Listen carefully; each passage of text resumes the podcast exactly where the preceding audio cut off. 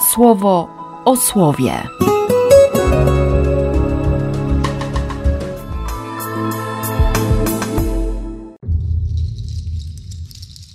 18 grudnia, sobota. Z księgi Jeremiasza. Biada pasterzom, bo rozpraszają i gubią owce mojego pastwiska. Dlatego tak mówi Pan do pasterzy mojego ludu. Rozproszyliście moje owce, rozpędziliście je, nie czuwaliście nad nimi. Oto ja ukażę was odpowiednio do waszych zepsutych obyczajów. Ja ocalałych z mojego ludu sprowadzę z każdej krainy, dokąd ich wygnałem, i umieszczę ich na ich pastwisku. Będą się rozrastać i mnożyć. Ustanowię im takich pasterzy, którzy będą ich paść. Nie będą już się płoszyć ani ulegać panice, mówi Pan. Oto zbliżają się dni, mówi Pan, w których wskrzeszę Dawidowi trzymającą się prawa odrośl. Zacznie panować jako król, będzie mądry, sprawował będzie w kraju sprawiedliwe sądy.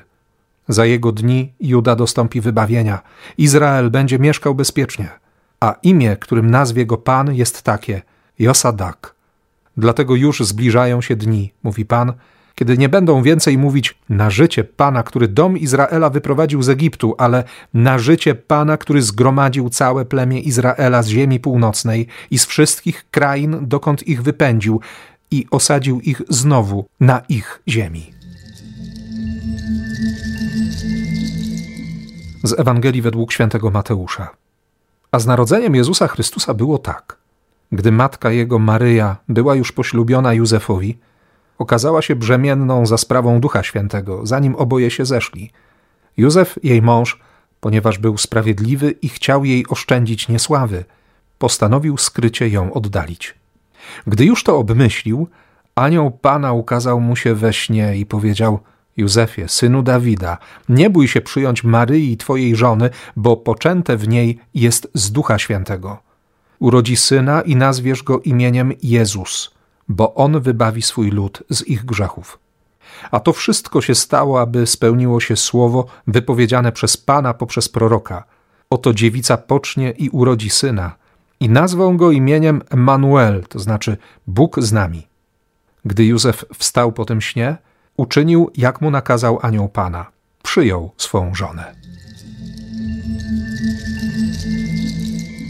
Co prawda w lekcjonarzu i w czasie liturgii będziemy słyszeć od piątego wersetu ten 23 rozdział Jeremiasza. Zresztą trudno się dziwić, bo przecież chodzi o to, by pokazać w tych ostatnich dniach Adwentu przyjście króla. Króla mądrego, króla, który będzie sądził sprawiedliwie. Króla, za którego dni Juda dostąpi wybawienia, Izrael będzie mieszkał bezpiecznie.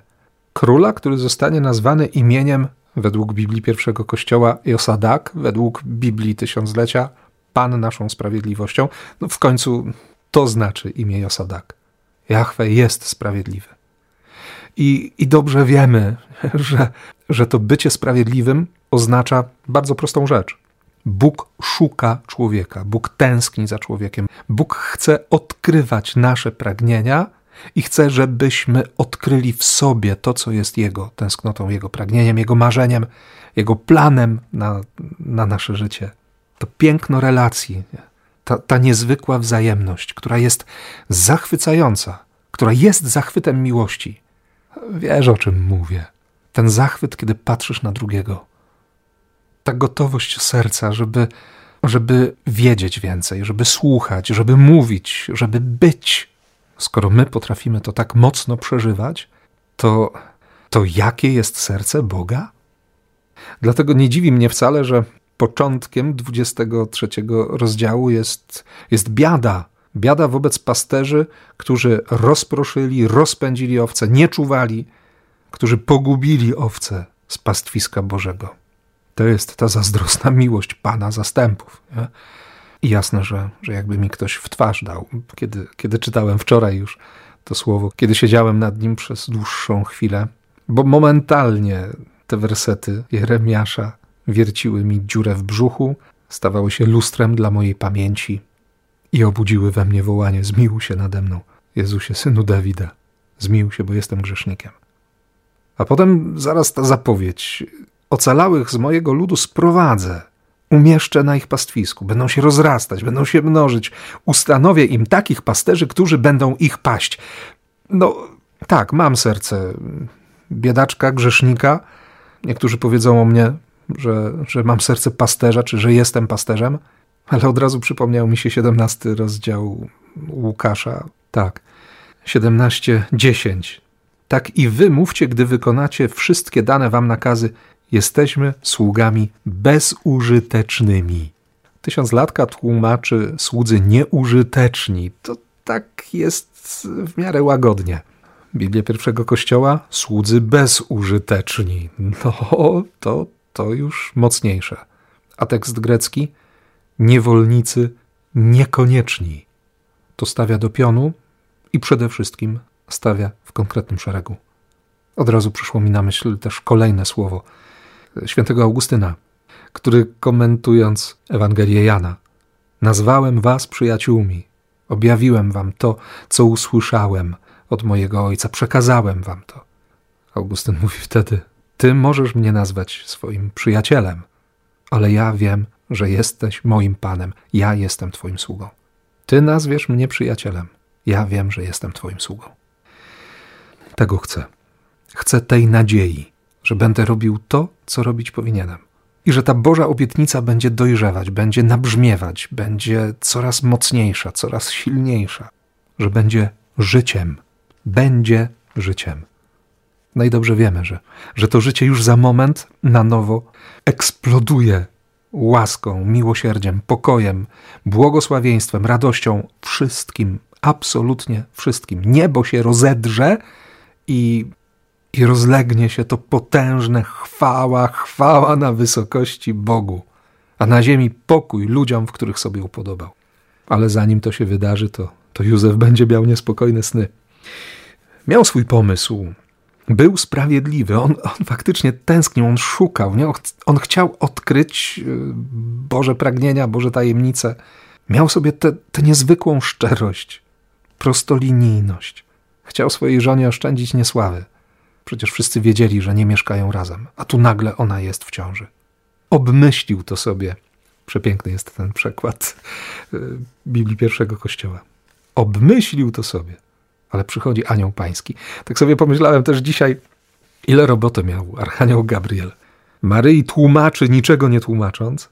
Józefowi wyjaśnia, choć też Józef niewiele rozumie, ale, ale słucha. Anioł przychodzi po to, żeby żeby powiedzieć, że, że Bóg myśli jednak inaczej. Że nawet moje szczere pragnienie nie zawsze trafi do celu. Niektórzy powiedzą, że dobrymi chęciami jest, jest piekło wybrukowane, tak? Dobrze, że Bóg trzyma rękę na pulsie. Dobrze, że jest Panem rzeczy niemożliwych. W tamtym niemożliwym miejscu, nieprawdopodobnym, tam, gdzie nikt nie odważyłby się i w ogóle nikomu by na myśl nie przyszło, żeby, żeby szukać ludzi, z którymi warto rozmawiać o zbawieniu. On tych dwoje znajduje. Kilkunastoletnia dziewczyna, może dwudziestoletni chłopak. Z nimi można porozmawiać o zbawieniu ludzkości. Można ich zaprosić, można z nimi zrobić taką historię, że każdy z nas dzisiaj będzie błogosławił Boga za to, co on robi. No właśnie, wracając do Jeremiasza jeszcze. Przyjdzie taki czas, że nie będą mówić na życie Pana, który dom Izraela wyprowadził z Egiptu. Pewnie, że, że to wspomnienie było bardzo ważne, że każda Hagada uświadamiała, to nas Bóg wyprowadził z Egiptu, to nas Pan uwolnił, to myśmy przeszli przez Morze Czerwone, to my, my, my, my. A Bóg mówi przez Jeremiasza, zaczniecie przysięgać na życie Pana, który zgromadził plemię Izraela z ziemi północnej, z wszystkich krain, dokąd ich wypędził, osadził ich znowu na ich ziemi. Otworzyć szeroko oczy, otworzyć szeroko serce, zobaczyć, co Bóg robi teraz dla mnie, co Bóg robi teraz dla ciebie. Bo nie chodzi tylko o wspomnienia, nie chodzi o pamiątki, nie chodzi o rocznice. One są ważne, ale dziś jest dzień zbawienia. Nie wiem tak do końca, jak go wykorzystać, ale wierzę, że Bóg ma pomysł na ten dzień, na ten moment, na moje życie. I wierzę głęboko, że ma ten pomysł również, kiedy patrzy na Ciebie, kiedy się Tobą zachwyca. Więc niech okryje Cię dzisiaj łaska i niech odkryje się w Tobie miłość i miłosierdzie w imię Ojca i Syna i Ducha Świętego. Amen. Słowo o słowie.